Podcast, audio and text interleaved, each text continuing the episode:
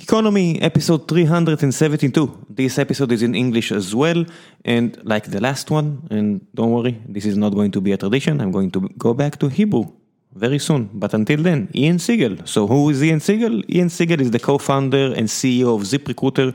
In case you don't know ZipRecruiter, uh, I guess it's because you're from Israel. If you're in the US, there is no chance in hell you won't know ZipRecruiter. ZipRecruiter is an online employment marketplace that connects millions of employers and job seekers through mobile and email services.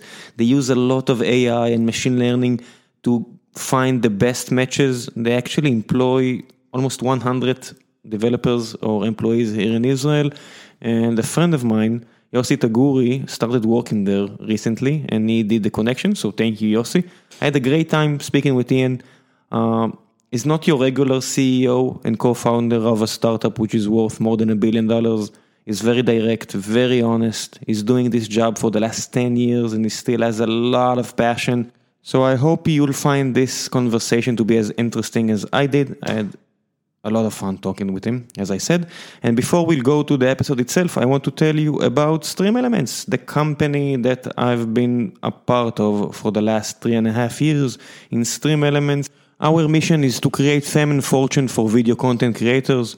We used to work only with live content creators, with people creating content for Twitch and Facebook Live and YouTube Live, and that went really well actually. Our main KPI is was weekly active streamers, people who went live in the last 192 hours and used at least one of our tools.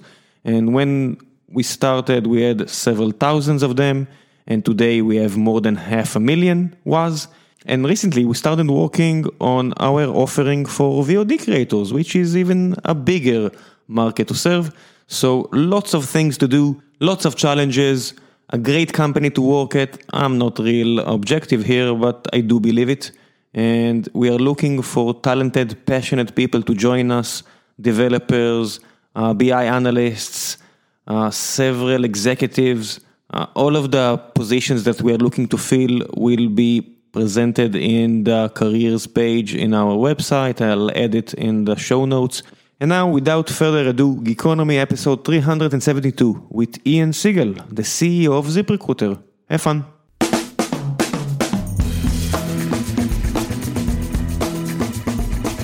Tonight, I have the pleasure hosting Ian Siegel, with the same title for the last 10 years. I think uh, the good people of ZipRecruiter will tell you that's way too much time to be in one company. Hmm. Well, we're having fun and we're doing something that's important, so I'm enjoying myself. There you go. This is something that at least one thing that a, a good AI or machine learning system won't tell you. Well, I think if it weren't for AI and machine learning, it wouldn't be as much fun because I would say when we first launched, it was really just a business. And now it feels like something where we're genuinely improving a process that a lot of people are frustrated with. And so that is immensely satisfying. Uh, as an entrepreneur, a CTO of a company, I open the uh, LinkedIn inbox. And when I do, I have 15 to 20 messages from Ukrainian recruitment agencies, agencies in Berlin because we are searching there, agencies in the US, agencies in the UK, of course, Israelis, and everybody wants to help us. That's right. That's right. We were a business that was initially built for small businesses, much like most startups. And the idea for ZipRecruiter actually happened when I was at a startup because I, like you, found recruiting so painful. And I, the, the story of the, of the idea forming was this is in the old days, so forgive me, but I was sitting in front of stacks of resumes that were on my desk for multiple roles that we were recruiting for. And I was just thinking how crazy it was that I had had to post a job to all these different job boards, and then they all had different ways you got to the candidate. So what we all did was we just printed out the resumes and made stacks so that we could compile all the resumes that came from all the different sites we'd posted to. And I was like, this is so dumb. Like it, the the web was invented to sort information like this, and so for years I had this idea to just build a product where you'd push a button and your job would go everywhere, and all the candidates would come into one list and that was how ZipRecruiter started. And apparently, a lot of businesses out there were feeling the same pain point I was because it was like day one, immediate product market fit. It was like the customers had been waiting at the gates, beating on the doors, waiting for us to open. Like it was like the night before Christmas. They were trying to get their shopping done. So it's been awesome. When you started, you pictured yourself solving the A to Z problem of recruitment, or you were focusing on a specific part and that was the game plan? And if so, what's changed over the last 10 years? when we started, we had much more modest ambitions. There was this singular pain point I had, which was if you're a small business and you're too small to have an HR department, in most cases, you're doing your own recruiting and you start with this question that most companies don't really know how to answer, which is where should I post my job? Like literally, what sites should I use? And there's so many options.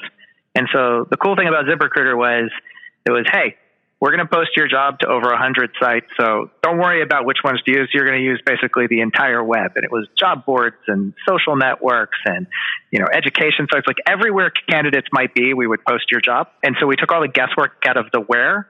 And then, as I said, the applications all came into one system. So it was very easy to then vet those candidates. And uh, we really were just sort of an efficiency tool when we started. You could call us like a, a, candidate pipeline tool where we would go find you as many candidates as we could. You know, we thought we were competing with Craigslist. It wasn't until we were probably um, five and a half years into building ZipRecruiter that we made this hard pivot from trying to deliver volume of candidates to trying to deliver quality candidates. Yeah, nothing can piss off your day more than getting hundreds of CVs and realizing very quickly there's no good fit? You know, we actually had to do like a real look in the mirror moment because when we started, we distributed to 100 job boards. And it's a little known fact, but we actually now distribute to thousands. Uh, we don't tell employers that because what they think when you say thousands is that they're going to get thousands of candidates and it freaks them out. In reality, the web just doesn't work that way. Most jobs pre COVID were restricted to a specific geographic location. So it didn't matter how many job boards you put a job on, the candidate population that was available in that geographic region was the real determinant of how many applications you would get. But uh, that didn't stop us from still trying to get every single candidate we could in that geo to apply. And so, like, I'd say five years ago, the average number of candidates was something like 30 per job. And then very quickly, because we kept finding every nook and cranny of the web where your job could logically go, we got it to 40 and then 60 and then 70. And it turns out that any delivered candidate after the first 30 starts to become a negative. And employers historically describe it as the fire hose of shit, where they just get so the ratio of good to bad candidates doesn't change. So if I send you 100 candidates, the majority of them are going to suck using the old method of just letting fate bring together the right candidate and the right job. When you let, like, here's the, here's the unspoken truth. Employers are terrible at writing job descriptions and job seekers are terrible at searching on job boards. So you're taking like bad input on both sides and mashing it together and hoping for a good outcome. And that's why traditional job boards are so frustrating for so many employers. That frustration that you're describing leads to so many bad decisions. Only yesterday, one of the recruiters that I'm working with told me, uh, why aren't you approving this or that uh, individual? Uh, he knows Go, he knows Node, everything that you asked me to, to bring, he knows. And I said, yeah, actually, you're. I don't know. I, I guess I was just tired or something. I just went over like dozens of them. And yeah, I soon just said no. Well, I mean, the techniques that we're using today, we're really possessed of two advantages. So one is uh, ZipRecruiter is not just the place where employers post jobs. We are also the system they use to vet the candidates. So to rate those candidates uh, and the, to make a decision of who to reject and who to ultimately hire. And so we have a lot of signal data about people that historically has not been available to a job board. So it's things like, um, you know, from the job, we, we know things like uh, a candidate who has applied to this job in the past was given a thumbs up, the same job title in the past was given a thumbs up by an employer for that job title. Like that's a piece of information that traditional job boards just don't have. So we know whether we have a quality, qualified candidate uh, right at the outset. We also can do all sorts of look-alike population stuff so that we know people who don't have the exact same job title as the job you posted may still be viable candidates for that job that you just posted. Um, and we can show your job rec to them. And then we also know things like different job titles have different rules in the background about who you're willing to recruit. So, for example, if you're posting a job for a customer service position in Tel Aviv, you only want people who live in Tel Aviv to apply to that job. Whereas if you're in Silicon Valley and you apply, you post a job for an engineer, you actually want that posting to be in New York because you know someone in New York will move to Silicon Valley to take that job. And those are the kinds of insights that are gleaned by the machine learning. And we actually went all the way to deep learning um, by these algorithms that we've designed. And we are, what we do is we study the. It's so interesting with these algorithms because you know we don't program them to make these deductions. We just set them loose, and then we watch the result of what they are doing. And we have learned as much by watching them as we did when we were back in the Boolean world of trying to write the, the matching ourselves and uh, trying to like write queries and A/B test our way to these insights. So, so, it's really fascinating. So many questions are popping into my mind, but I want to start with the obvious. When you're in the Boolean state where you just mark yay or nay for a lot of criteria, you can correct yourself for saying, okay, I'm a bit biased here, so I'm going to remove that question and just to make sure that these or that biases won't get into the decision making algorithm if you're moving away from uh, a human making that decision, knowing for a fact that he has fallacies, stereotypes, everything that can make the world as we know it for the last 100 years, and then you move it to a machine decision algorithm. How do you make sure that you're not going to go back 30 years? Yeah, well, let's start with a fundamental fact, which is unconscious bias is prevalent in every single job that is posted and that you, every one of your listeners, and everyone participated in a job search has so much unconscious bias that they are unaware of that it is literally impossible to eradicate it. And even if I solve the problem of unconscious bias in terms of driving a candidate pool to you, the employer, and then sorting who I think the great matches are just based on a bias removed algorithm, you will still bring tr- tremendous bias to the interview process and ultimate candidate selection. So we're not going to eliminate candidate bias on our site. Now, Malcolm Gladwell wrote a book, and in it he tells the orchestra story. And I love the orchestra story because it highlights just how powerful unconscious bias is. And what happened is about 30 years ago, orchestras were 10% female, 90% male. But when they looked at the music schools, there were an equal number of men and women graduating from the top music schools in the country. So they were like, what is going on? So they decided that they were going to hold an orchestra audition where the performers would be behind a curtain so that the people who were evaluating them wouldn't know their gender. And what do you think the result of putting the people behind the curtain was? I know the answer, so I'm not going to uh, spoil it. Uh, okay. Yeah. The result was the result was 90% of the applicants picked were men, 10% were women. Exactly the same as it had been. And one of the researchers said, I know this sounds crazy, but when they were walking out on stage, I think I could tell who a woman was because they were wearing high heels and I could hear the clicking of their shoes. And so they repeated the experiment with all of the candidates barefoot. And what do you think happened? 50% were picked were men, 50% picked were women. We just find patterns and we're not even acknowledging them. Well, I just think what's so interesting about it is the people in the, the, the, evaluators of the talent that was behind the curtain, they knew they were in an experiment to test for bias. They knew that's what they were there for. And still, they couldn't suppress their bias. That's how strong unconscious bias is. So when we talk about unconscious bias, a lot of people say like we got to launch training programs in every enterprise around the world so that people are trained about how unconscious bias works, that is hopeless. That unconscious bias is so strong that even when you're in an experiment where you know they're testing you for your unconscious bias, you still can't suppress it. So I don't think there's any training we're going to get. We can't train everyone in the world to get rid of this bias. So what's, what are we left with? Algorithms. And what's so interesting about these algorithms is we get to choose what information goes in. So will these algorithms be biased? 100% if you leave them to their own devices. What you have to do is remove information or alter information that goes into these algorithms consideration set um, because you know it is the most biasing possible information. So, for example, name. Name tells you so much about a person. It tells you their gender. It often tells you their ethnicity. It can tell you, if I say Mohammed, I'm pretty sure you know what religion the person I'm talking about is. There's so much information that comes from name that just removing that is really powerful.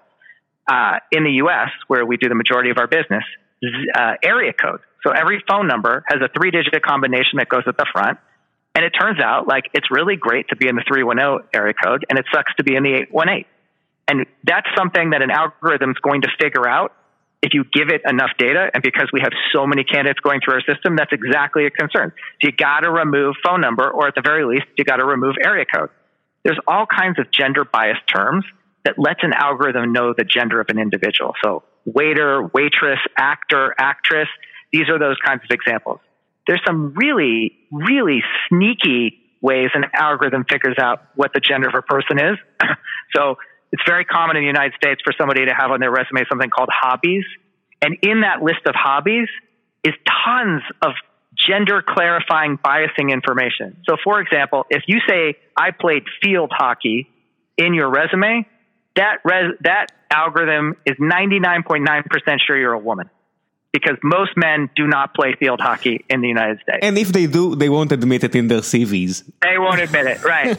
so, so we start stripping information out. But once you get into the stripping information out game, it starts to get crazy. Because here, here's an example. I'm going to prove to you that you're biased, no matter what you oh, think. I know, I know, I ready? am. I know, I am. Go for well, it. Well, here we go. For your listeners, for your listeners, yeah. ready? Two engineering candidates. They both have computer science degrees. One of them worked at Google. Which one are you interested in talking to first? Usually, if I see Google, I want to speak with that uh, individual. That's right. We we bring we bring bias based on where people went to college, the previous companies they worked for. I talk all the time about blue chip brands. Blue chip brands are companies you work for where their brand is so strong that it literally changes your name for the rest of your life that you're in a job search. You're Every a Googler, you of course. Job, you, don't have a name. You're, you're, you're an ex-Googler. You're an ex Google engineer. That is For your new name. That is how everyone will describe you. Your that brand is more powerful than anything else about you. So, You, you know how, how, how you know a person uh, used to work for Google, right? how? He will tell you. Yeah, uh, it's the same way you know a person is a vegan. It's the same way you know a lot of things about individuals. He will just tell you there are specific traits that are very, very strong. Uh, if we are virtue signaling, if we are very proud of it, I'm not saying it in a very derogative way. At the end of the line, if I get hundreds of CVs, I'm trying to grasp and anything I can find. One of the questions I'll ask if I'm on a stage and I'm in a room full of employers is I'll say, "Hey, when you use my service and you post a job, do you want me to fix your grammar and spelling before your job goes live in front of job seekers?" And 100% of the room says yes. And then I say, "Great. Okay. Now, next question. When a job seeker applies to you, do you want me to fix the grammar and spelling on their resume Mm. before you review it? No. And 100% of the room says no. Of course not. Because that is important. That is important signal data. And so when you get into the game of like deciding what information to feed to an algorithm, you are intentionally removing signal data every time you make a choice. And there is still a ton of bias in the remaining information. It can never be perfect. Okay, so two questions here. Do you know the movie Gattaca? I think it's from uh, 1997. One of my favorite movies. Ethan Hawke, Ethan Yeah. Hawke, Uma Thurman, uh, great, great movie. Really recommend it. It's a very interesting movie. Uh, in the future, if uh, your department here, uh, I don't know, 200 meters away from me, if we weren't in a COVID situation, uh, people were still there in the ZipRecruiter office, working hard on improving the AI, the machine learning system, and ideally, they would know for a fact, like 99%, who's a great fit for a position and who's not. But it's only 99%. 10 years from now, you're still in your job, 20 years in, you're still having fun, your algorithms just got better and better and better. Where's the line where you gave your recommendation and you did something morally wrong? I mean, here's the truth, and people hate this answer. The world changed. A ton of the conventional wisdom we give job seekers about how to write a resume is just plain wrong and disadvantaging at this point. And I'll tell you why. It's one very simple reason. Conventional wisdom says write a resume that helps you stand out be very thoughtful about the design of that resume. You want it when a human looks at it, you want that resume to pop out of the pile of resumes that they're looking at. And they tell you to dress up your accomplishments. Like you didn't just answer the phone, you ran company communications. You know what I mean? They tell you they tell you to talk this way in resumes. And here's the truth that nobody likes.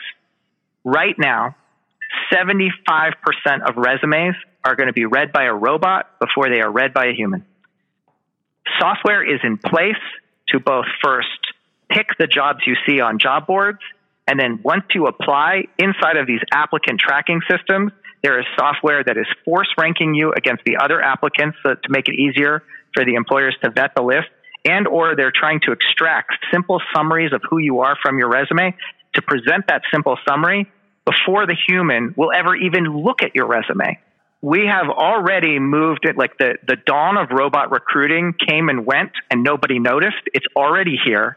It's widespread and it's never going away. It's never going away. And do you know why it's never going away? Because it's better. Because when job boards moved from newspapers to online, it became possible to apply to a job with a single click. Like apply the barrier to applying to a job got so low that the number of applications to jobs skyrocketed. And so, as a defense mechanism, employers are deploying various softwares to basically intervene on their behalf to help them sort through this pile of candidates who are applying to every job. The special flower, the oddball, the maverick, the one who, like, if you just took the time to look at them, would be the true great candidate that you want. That was possible basically until 2016. And as of today, that candidate's chances have been eliminated to effectively nil. It is almost, unless you network your way into that job opportunity because you know somebody at the company, so you get a special opportunity to interview. The way the process is set up right now is to stop people exactly like that from getting through. How does that make you feel? no system is perfect. People talk about autonomous cars all the time and how like once everybody's in autonomous cars, there's going to be no more traffic. There's going to be no more car crashes. There's going to be a huge amount of real estate that gets freed up because we're not going to need parking garages or parking spaces anymore because autonomous cars are going to like this fleet is going to come pick us up whenever we need it. It's going to take us where we want to go. Everyone's really excited about that. But guess what? There's 4 million people in America who make their full time living driving cars. The, there is the biggest, I think. Legion. Yeah, it's the most prevalent occupation, right, in the, in the States? It's the number one advertised occupation on job boards right now. Meaning, like, if you look at all the Uber drivers, Lyft drivers, taxi drivers, livery drivers, delivery drivers, FedEx, UPS, Amazon, like, there's so many jobs where the only criteria is do you have a driver's license? a huge piece of the job category will be like brain damaged out of the category as soon as AI hits. And for all these positives that we're going to get, there's a bunch of negatives. There's even more negatives because there's a legion of people in America who love their cars. They love driving their cars. They love their cars.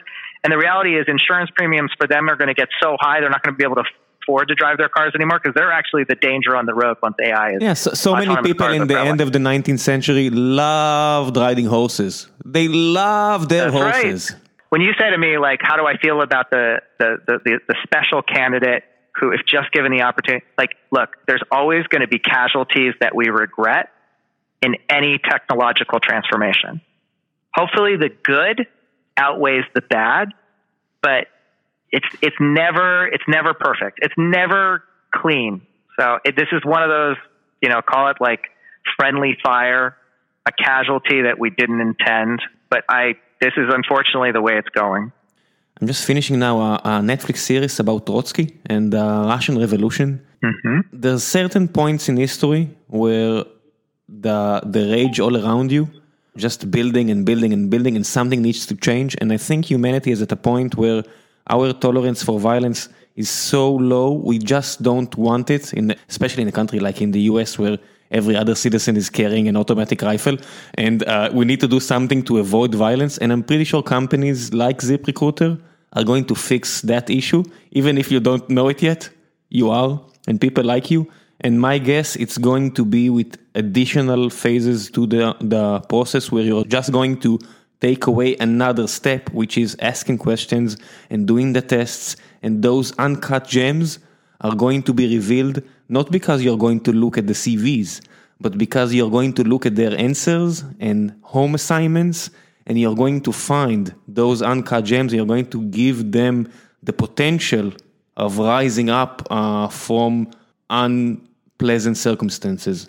Uh, that I 100% agree with. And, uh, you know, you look at the power of these algorithms, and it's stunning. Like, we're, we're like in the early dark ages of it. We haven't even fully explored it because the reality is um, the more data you give them, the more their output starts to look magical, which is partially why I laugh every time a new startup says they're using AI or machine learning algorithms. Cause I'm like, do you know how much data it takes to make these things actually work? But anyway, like, and so, you know, like the fantasy, the fantasy that everybody has about the job category is that the job engines won't just tell you where there's an opportunity that matches your skills, but there is also going to be advice about this is a place that matches your skills and the culture is a fit for you.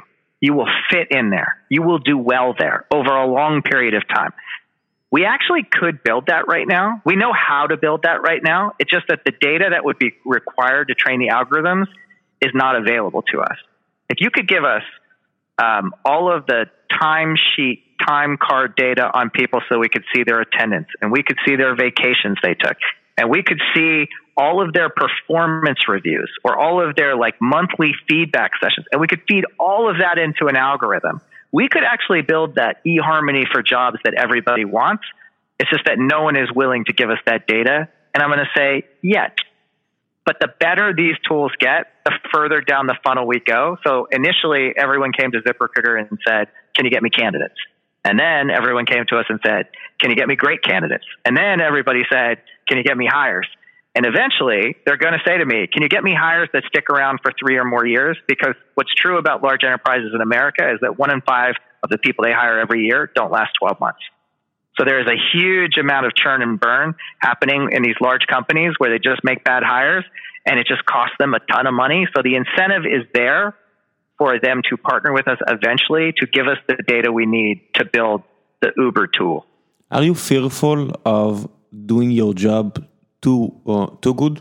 If you'll ask Mark Zuckerberg and his other C-level executives, like 10 years in the past when everybody loved them, they brought democracy to the Middle East. Are you fearful that it's going to get back at you as a, as a boomerang when you're going to cross the line and do too good? Your KPIs are going to be too great. You're going to be such a great product that people are going to say, hey, you have too much power. What's the line for a company like ZipRecruiter where you'll have too much power? The first thing I want to say to that is at ZipRecruiter, we have been persistently trying to disrupt ourselves, revenue disadvantage over and over again. So if you look at our service, it was a monthly subscription service and it used to take 60 days to fill a job on ZipRecruiter. So we would get two months of revenue for a job. Now because of all of the improvements we've made to the process, the multiple algorithms we put in, the great match sort that we put in front of employers, the training that we give employers through the interface so that they know if you want to engage with candidates, you got to do it fast. We fill jobs in 14 days. So we've gone from 60 days to 14 days, got half a month. That is a significant reduction in the amount of money we can take from somebody. So what I would tell you is that with earnest intent, we are just trying to build the best product that we can and to make hiring easy for employers and to make finding a job easy for job seekers. There is, however, as you described earlier, this side effect where when the precision starts to get really high, employers can post a job and fill it in a day. Often they can fill it in an hour. The way our service works today, as soon as you post a job, the algorithms go immediately notify who we think the top 10 candidates are for that job that are in market so that they see that job just went online and apply. So the employer hasn't even gotten out of their chair and candidates are popping in and they are hitting the bullseye. That's as fast as we can possibly bring you quality candidates. Like it's literally almost a real time experience. And the question is like, what does that disadvantage people who never even got an opportunity to be in that pool of the first 10 candidates who applied who are hitting them? And the answer is, I don't know. I don't know where the line is going to be. But what I am hopeful of is that this is a process that both sides of the mo- marketplace dread. Nobody likes recruiting and nobody likes looking for work right now. Um, and what I'm hoping is that we can create better, faster outcomes for both sides because by doing matching the right way, you get to a point where like the job seeker is excited to talk to that company because that company has everything they're looking for. It's the right job category, it's the right salary, it's got the right benefits, it's the right location. There's so many variables that we can uh, take out of the consideration so that what they really have to do is sit down in a room and figure out if they can work together. At the end of the line, people still need to excel at the process itself.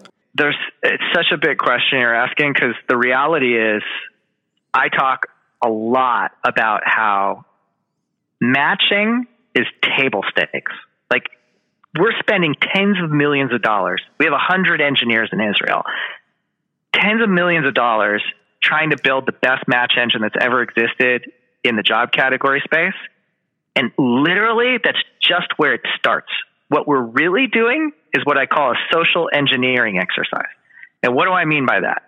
It turns out if an employer gets a candidate and they reach out to that candidate and the candidate doesn't respond for 48 hours, the employer moves on.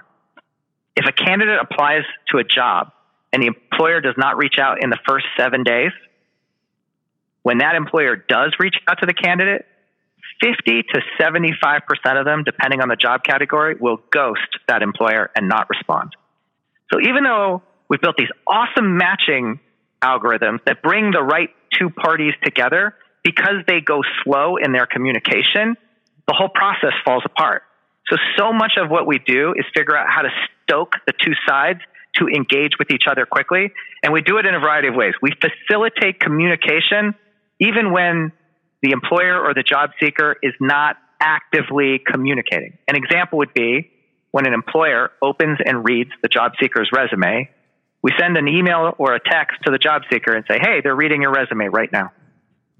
It's amazing to a job seeker because they all experience the same thing, which they call the black hole, where they apply to a job and then they hear nothing. So they're getting no feedback. So as far as they're concerned, that employer just ignore them. Just knowing they have momentum in the process transforms their engagement level and willingness to keep um, effectively attentive to when that employer ultimately reaches out to them. Do you think there's a certain level in the org chart where your matching engine will break? Uh, I mean, uh, I'm sure and I know for a fact that ZipRecruiter works well for entry level, for senior developers, for mid level developers. But at a certain state, you're starting to use like a specific high level recruiter that will find you your next executive, will find you the next director, etc., etc., etc. In your wildest dreams, do you think you're going to help uh, VCs find a, a new uh, CEO to one of their companies or a new CTO or something like that? There's a tacit truth in the job industry that I think a lot of people would just tell you explicitly which is uh, the most desirable candidates are people who are currently employed and not looking for work. So there will always be a role for a human recruiter because a human recruiter does something that's incredibly powerful.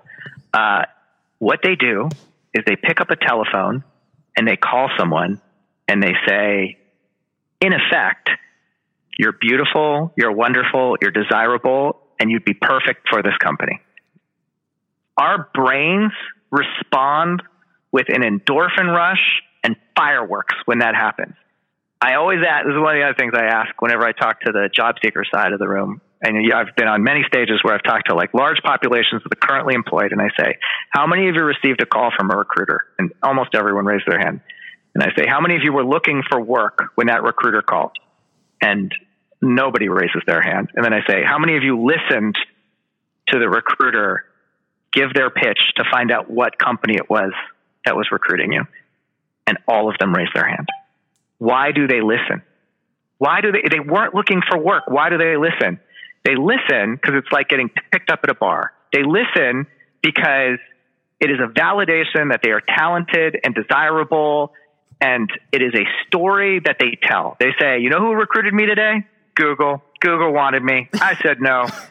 so the reality yeah. is, uh, is there's a vanity to recruiting, and there is a desire to go after the currently employed. So, like the VC is most likely looking for a proven CEO, and proven CEOs usually are in a job when they get taken into their next job. Yeah, I, am laughing because I'm in a state in my career where there is zero chances, like a zero chance because of my fasting, because of a lot of things that I'll even go to an interview. Zero chance, not zero point something, like zero. And I got a, a message in LinkedIn from a, a human recruiter, and she was very nice, and, and she wrote a lot of things. Said, yeah, uh, I can hear you out. And then like one minute later, no, no, no, don't phone, no, don't phone. There's no reason for you to phone.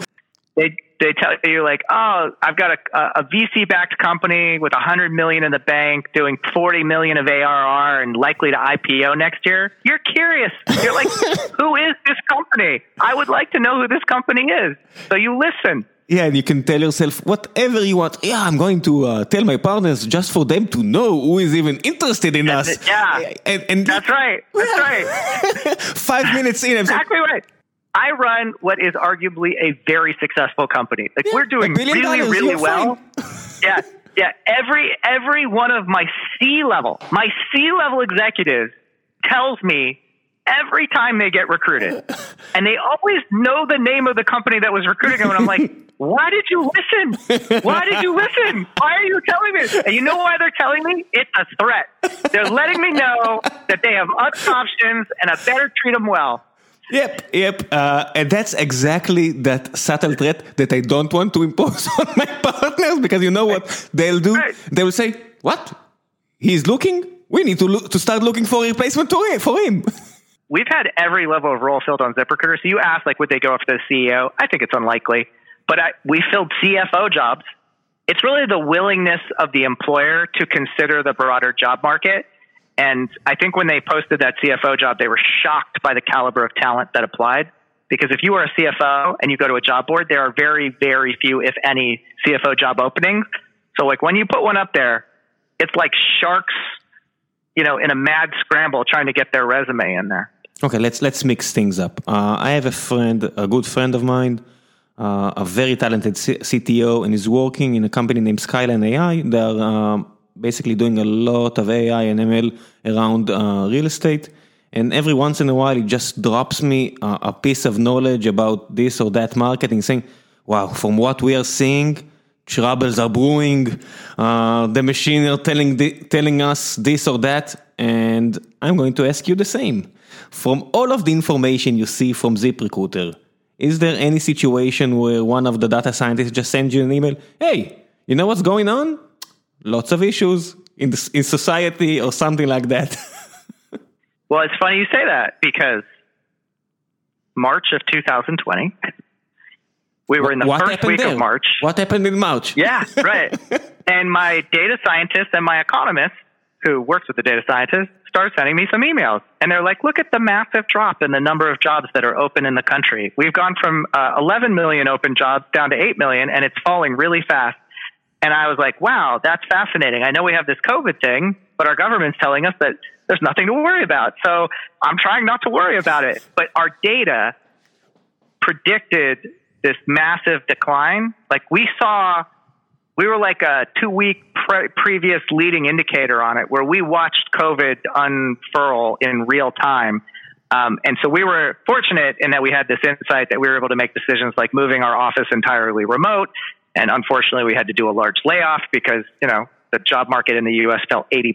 80% in two weeks. It was unreal. It's like no matter how good you are as a CEO, you didn't make a plan for that. Let me tell you. I said to uh, my investors, like, this was no time to have a first time CEO at the helm of any of your companies. Like, you needed grizzled veterans with the resilience to work through this because you had to make a lot of hard decisions really fast. But yeah, I mean, we've seen the emergence of, on a positive side, some new job categories that people don't talk about that are fascinating. You know, like everyone's so worried about um, AI as a job destroyer, and they aren't really looking at AI as a job creator. And it's very easy to look at a technology and predict what jobs it'll hurt. It's very hard to predict the jobs it will create. And so there is a fascinating explosion of jobs happening through multiple technologies, whether it's drones or 3D printers or AI or autonomous cars, where jobs are being created at this high velocity and nobody ever talks about it. And our data shows us that stuff too. All of the Facebook related jobs in the last 10 years, if I would just mention them in the future, 15 years ago, I'm going to be a social uh, platform marketer. You're going to do what? And, right. and how many people are going to be employed in that industry? And basically, these yeah. days, you talk you, you talk with uh, people in marketing, and that's the only thing some of them know. How to market on Facebook and well, Google. That's the market. That's the new market. That's the new reality.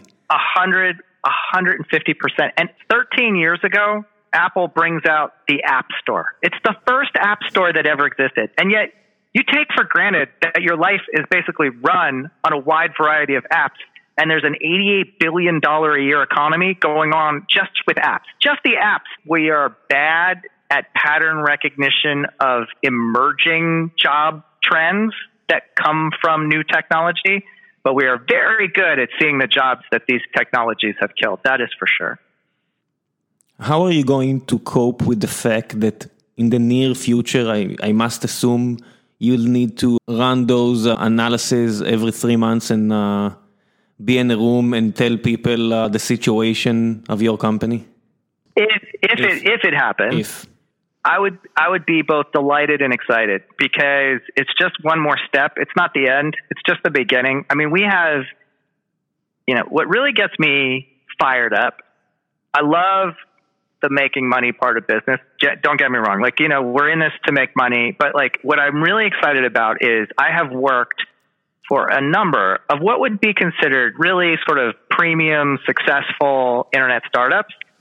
But ZipRecruiter is the first one where I really feel like the mission of what we're doing uh, is what makes it fun. And so when you get a win on our product, you're literally changing people's lives. I don't want to make it sound too big, but you should see the testimonials we get, particularly during COVID. Like during COVID, we are saving people's lives. People who that so there's 30 million people in the U.S. that were laid off during COVID, and they are now either unemployed or underemployed, which means that they have a part-time job but not enough to make a living. They don't have benefits. They need things for their kids. They need things for their aging parents. They need health care. And so without a job, these people are in a very dire situation and they think it's hopeless because who would be hiring during COVID? Well, guess what? Like, thanks to ZipRecruiter, these people are finding work at a rapid pace. And so we get these testimonials. Uh, so one of the disciplines we instituted during COVID was because we went fully remote, I do a weekly all hands meeting, which I never thought I would do. We've done 34 of them oh my God, 34 times I've got in front of the company. And, and once a week, I just tell them what's going on as directly as I possibly can. But I start every one of those meetings by just grabbing a couple of the most recent testimonials and reading the testimonials from the job seekers we're helping. Because I just want to ground everybody in what are we really doing here? Like, what is the, what is the mission of this business? The mission is genuinely to help people, whether it's employers who need talent or job seekers who need to find work we're trying to help both sides have better outcomes and hopefully better lives. So, and we, I, like, it's the only business I've ever, like, when, let me tell you, when I worked at stamps.com, the testimonials didn't tug at your heartstrings, I assure you. So I'm very delighted with what's going on at ZipRecruiter yeah, right don't, now. Don't this stamps.com. The, I usually know about companies from podcast advertisement. And Stamps.com and ZipRecruiter are two of the biggest advertisers in the That's podcast so world. funny.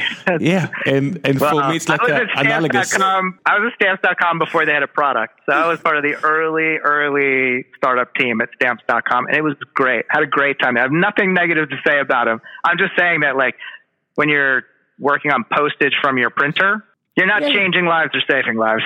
No, no, no. I, I, I- before uh, before StreamElements, I was one of the founding team of a new bank in Israel, and I love the financial system. But it's very different than working with creators. I can relate. it's fine. Yeah, I yeah, thank understand. you, thank Yeah, you. Yeah, Yeah. I, I'm not dissing uh, Stamps.com either. When was the point you decided to start advertising in podcasts? Yeah, we were. I think we like invented podcast. I almost feel like we like we were the first. Or I know this because when we first started doing podcast advertising, every podcaster we called up was like, "You want to pay me money?" So I read your ad, and we were like, "Yeah," and they were like, "Done." And we're like, "Don't you want to negotiate?" no, done. Send I mean, we- we were the Send dream maker. they were so excited that somebody was willing to pay them anything, like validated this little hobby that they had. It turned it into a business. We created entrepreneurs. Is how I think about it. Now, I, you know, I've been doing startups.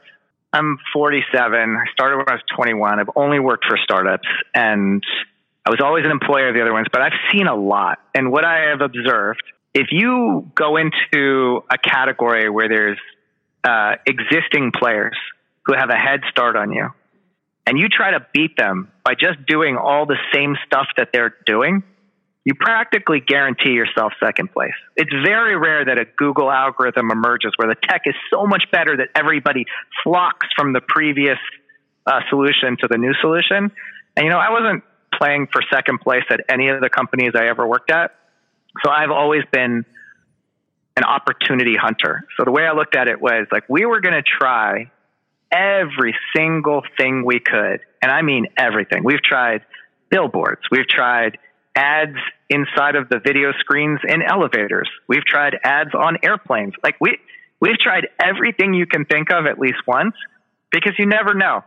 And podcasting was this new medium. It was so much work initially because there was no infrastructure that you could go to somebody and be like, I want to advertise on 500 podcasts. No, you had to like go call the podcaster and be like, Hey, would you like us to pay you some money? And they would be like, You really going to pay me some money? And I'd be like, Yeah, we'd pay you some money.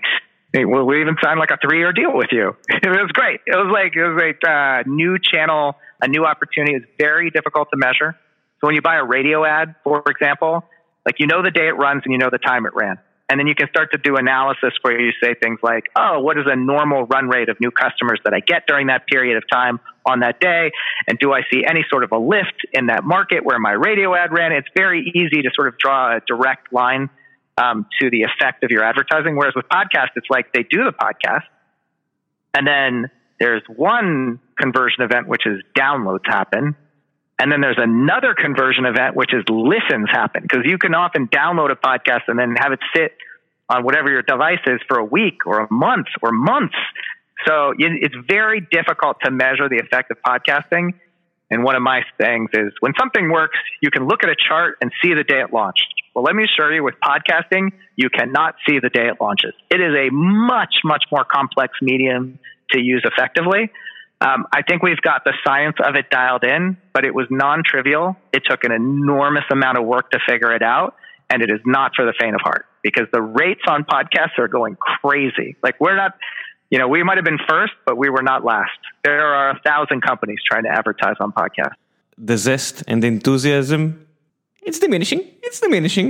You can understand what. I'm saying. Uh, if you were, uh, if they were so great for like eight years ago, today you're just another company trying to ride the hype, and I'm pretty sure that we are at the pinnacle. And It is the evolution of every new marketing channel. So for a long time, Facebook was really cheap. And now Facebook is perfectly priced because it's definitely not cheap. It's definitely not cheap anymore. And so podcasts, when it first emerged, was a new channel. Same thing with satellite radio. So like Sirius XM, you know, there's just very few companies that were advertising on Sirius for a really long time. Their business was the subscription business of consumers paying to have satellite radio in their cars, and the advertising was an afterthought. And now there's, you know, it's a well priced auction with a litany of companies in there. So, like, the real question is what comes next? You know, is direct mail going to have a resurgence? Is there going to be ads piped out of our Alexas or our Google Dots? And is that going to be the new channel that people go after? But, you know, we're always watching and looking for that next emerging opportunity um, because the early months and or years of a new channel are the most lucrative, cheapest form of advertising you're ever going to get. But you know it's a ticking clock. You know smart people always find their way to the efficient marketing. Is there going to be a stage where ZipRecruiter has such a strong brand recognition with American businesses that you won't need to be so obsessed about marketing? That's a great question. And one of the things they teach you when you get to the advanced levels of marketing is if you really want to know how well your marketing is working, you have to do something called run a blackout test. And a blackout test is just what it says. It's hey, I'm running TV and I'm running radio ads and I'm running social ads. I'm going to turn TV off. I'm going to see how much business I lose. And I'm going to see if things like social and radio, in terms of the number of uh, conversions they're driving per my system's measurement, decline. Because that's what you call the halo effect of TV. So it's not just its direct conversions, it's the impact it has on other channels. And you have to run a blackout. Well, COVID hits, and we had to cut costs really, really fast. And we had been marketing for, at this point, nine years straight and spending a significant amount of money on marketing. And suddenly we turned off a lot of our marketing. And lo and behold, the amount of businesses that found their way to ZipRecruiter and the number of businesses that reactivated their accounts on ZipRecruiter stayed relatively constant. And I think what we learned, not because we were good, but in a weird way because we were lucky, COVID had us run the largest blackout test we'd ever run, and we learned we'd built an incredibly strong, respected, and powerful brand. And that we were so in the zeitgeist of when you thought about posting a job, when you thought about hiring, ZipRecruiter is one of the brands that just pops into your head. So we didn't have to run that much marketing. And part of why we're such a strong company coming out of COVID is not only has there been a strong V-shaped recovery in the U.S. jobs market since COVID hit, but we are finding that we have to spend much less money than we used to in order to sustain the level of business that we're able to achieve. Will you stick? I mean, it's a great question. The answer so far is yes, but ask me in 18 months. Like, let's see what the staying power months? of that brand is. I'm going to ask yeah. you again if I if I had the chance in two months. What do you mean by 18 months? That's crazy, 18 months. I, I, I will tell you this business is really good right now. And it, and it's, you know, again, it's something we discovered. If there was a silver lining to the horror that is COVID, is that in many ways, it's the classic what doesn't kill you makes you stronger. ZipRecruiter is a much better business operationally and is much more efficient with its capital as a result of COVID than it was prior to COVID. Thank you for that candid answer. Again, uh, let's do some uh, questions from the audience and uh, let's do it. Badgering you. Ariel Nir is asking, well, I'm trying to translate uh, as I go. Uh, what's the future you see for people from uh, the recruitment agencies, talent agencies, ad hunters? are you going to take their jobs? Are you going to make their life easier? Well, I will tell you right now that software will never eliminate humans from the recruiting process because it's intoxicating to get a call from a recruiter, as we already discussed.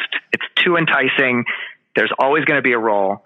And much like most of the hype about AI coming and killing job categories, the reality is that most of the implementations of AI that you see, whether it be with medicine, whether you see with delivery drones, it's AI working in concert with humans, not AI replacing humans, that is turning out to be the best deployed application. So I think these matching algorithms are going to make recruiters much better at their jobs than they've ever been. And but the the human recruiters are here to stay. Yeah, who knew that Skynet is not a murderous robot, but just a small device in your pocket? Uh, That's exactly right. James Cameron, shame on you on picturing the future as such a horrible place. And we're just addicted hmm. to a hmm. small device in our pockets. That's it. Yeah. Uh, everybody, everybody's a junkie. story. Let's do two more. Uh, Ido uh, Joseph is asking, what is the type of employers using your services? Is, is saying, but maybe it's not true. Most uh, mid to big company, mid-sized to big companies still rely on their own recruitment process and publish uh, their open roles mainly on LinkedIn and other similar services. So, a is that even true? And B, if it is true, what is the type of, of employers that use ZipRecruiter? Yes. Well, there are more than 100,000 businesses a month paying to use ZipRecruiter.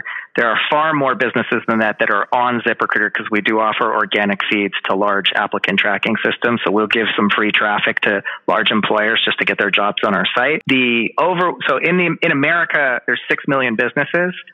5 million of them have less than 100 employees. And so what I would say to you is that ZipRecruiter is reflective of America writ large, meaning that like our percentage of jobs that are posted is basically like there's 5 million employers who have less than 100 employees. That's a lot of who's using ZipRecruiter. There's only 18,000 companies in the United States that have more than 10,000 employees. When you look at the 6 million and the, the 18,000, you start saying like, okay, quantity of companies basis, you're going to have many more small and mid-sized businesses than you are very large businesses. But that said, ZipRecruiter runs the gamut and we work with many of the Fortune 500 in a lot of cases, those companies don't post their jobs directly. They use what's called an advertising agency. So we work with their agency of record in order to get their jobs, whether it's a Walmart, an Amazon, you name it. When in the future, that's the last question. When in the future do you think you're going to really expand outside of the US? You know, the stuff we've been doing, what I say about it is it's not cutting edge, it's bleeding edge. We're inventing things that have never been done before we're using data signal in the matching process that's never been available before. And so we're trying to get it right in one country before we really franchise.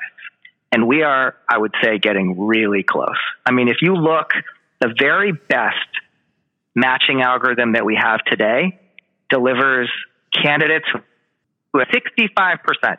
To put that in perspective, when we just let the process run where we let fate bring them together and there were no matching algorithms, it was 15% of candidates that would get a thumbs up. I think we're getting really close to where we need to be in order to start really looking outwards and increasing our ambition internationally. Good answer. Okay, let's finish with some recommendations.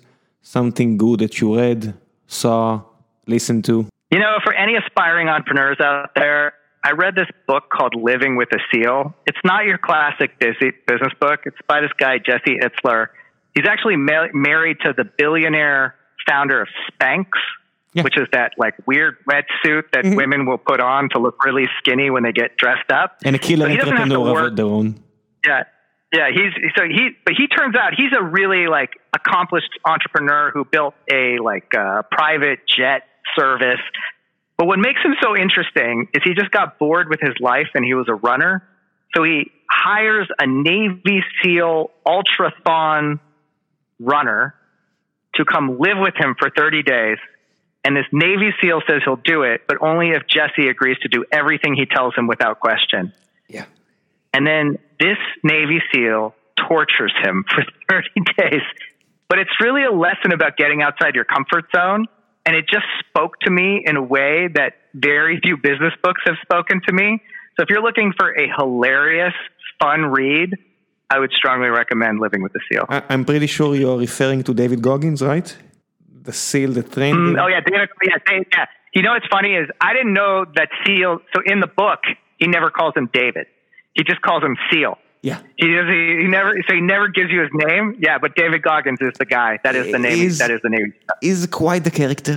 Quite the character. I, I really recommend you just uh, find him online. You can what you can hear him out on Joe Rogan or just uh, open his Instagram. He's quite the character. He's uh, you, you, can say like nine billion of us living right now, and every one of us is a special little snowflake. No, no, the majority of us are very similar to each other. That cat is different. that individual is very, very different. Very different. Very I different. Totally agree. Very different. Totally agree. Yeah. Yep, yep, very, very different. Okay, so I'm going to recommend from my side. I just read uh, Marty Cagan's book, Inspired. It's about product management, and it's nothing there was very new to me because one of my partners is like protege of him or some sort, and I, I, I heard the majority of the lessons there, but when a very wise and very sharp individual gives you the message in a very concise way, it just goes behind your uh, personal defenses and walls, and you just okay, ah, now I get it. And it's very insulting for um, my partner who basically uh, hit me on the head with these kind of uh, messages over and over and over and over and over, and I didn't get it. And listening to Marty Cagan just saying the same thing in his voice, I said, "Ah, now I get it. It's it's your fault. You didn't explain it correctly." So uh, no, I'm just kidding. Uh, I'm just I, I guess I was just, I was just too dumb to recognize good advice when I heard it uh, for the first time or second or third. Uh, so Marty Cagan inspired. Really love that book. Uh, I really recommend it. And that's that. Ian, thank you very much for your time. Hey, thanks for having me. And if there's any engineers listening, data scientists, full stack engineers, we are hiring in Israel. We would be delighted to have you join our team. So look out for those job postings. What are you looking for? Uh, no regulations, I don't mind. What are you looking for? Uh, we're looking for product managers, data scientists, full stack engineers, really anyone on the technical side, anyone who builds product and software. We're building some really ambitious software right now. We have tremendously difficult but fun problems to solve, like how to take bias out of the algorithmic matching process. So if you if any of that sounds interesting to you, we'd be delighted to have you apply. Yeah, I don't know how many places in the world you're competing. Less than a kilometer from your office, there's Google, Facebook, Amazon, and uh, Magic Leap was there until recently. Every one of those way too much, way too too strong of a company is looking for the, the same exact people, and you got 100 of them. So I guess you're doing some of the things right, at least.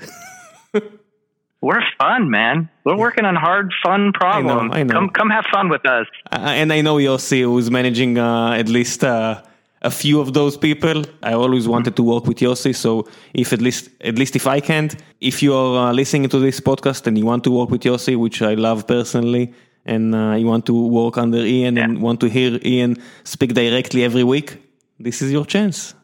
ZipRecruiter. There you go. No career, no career is complete without your startup journey being on that resume. So make sure you get that startup experience. There you go. Come apply to ZipRecruiter.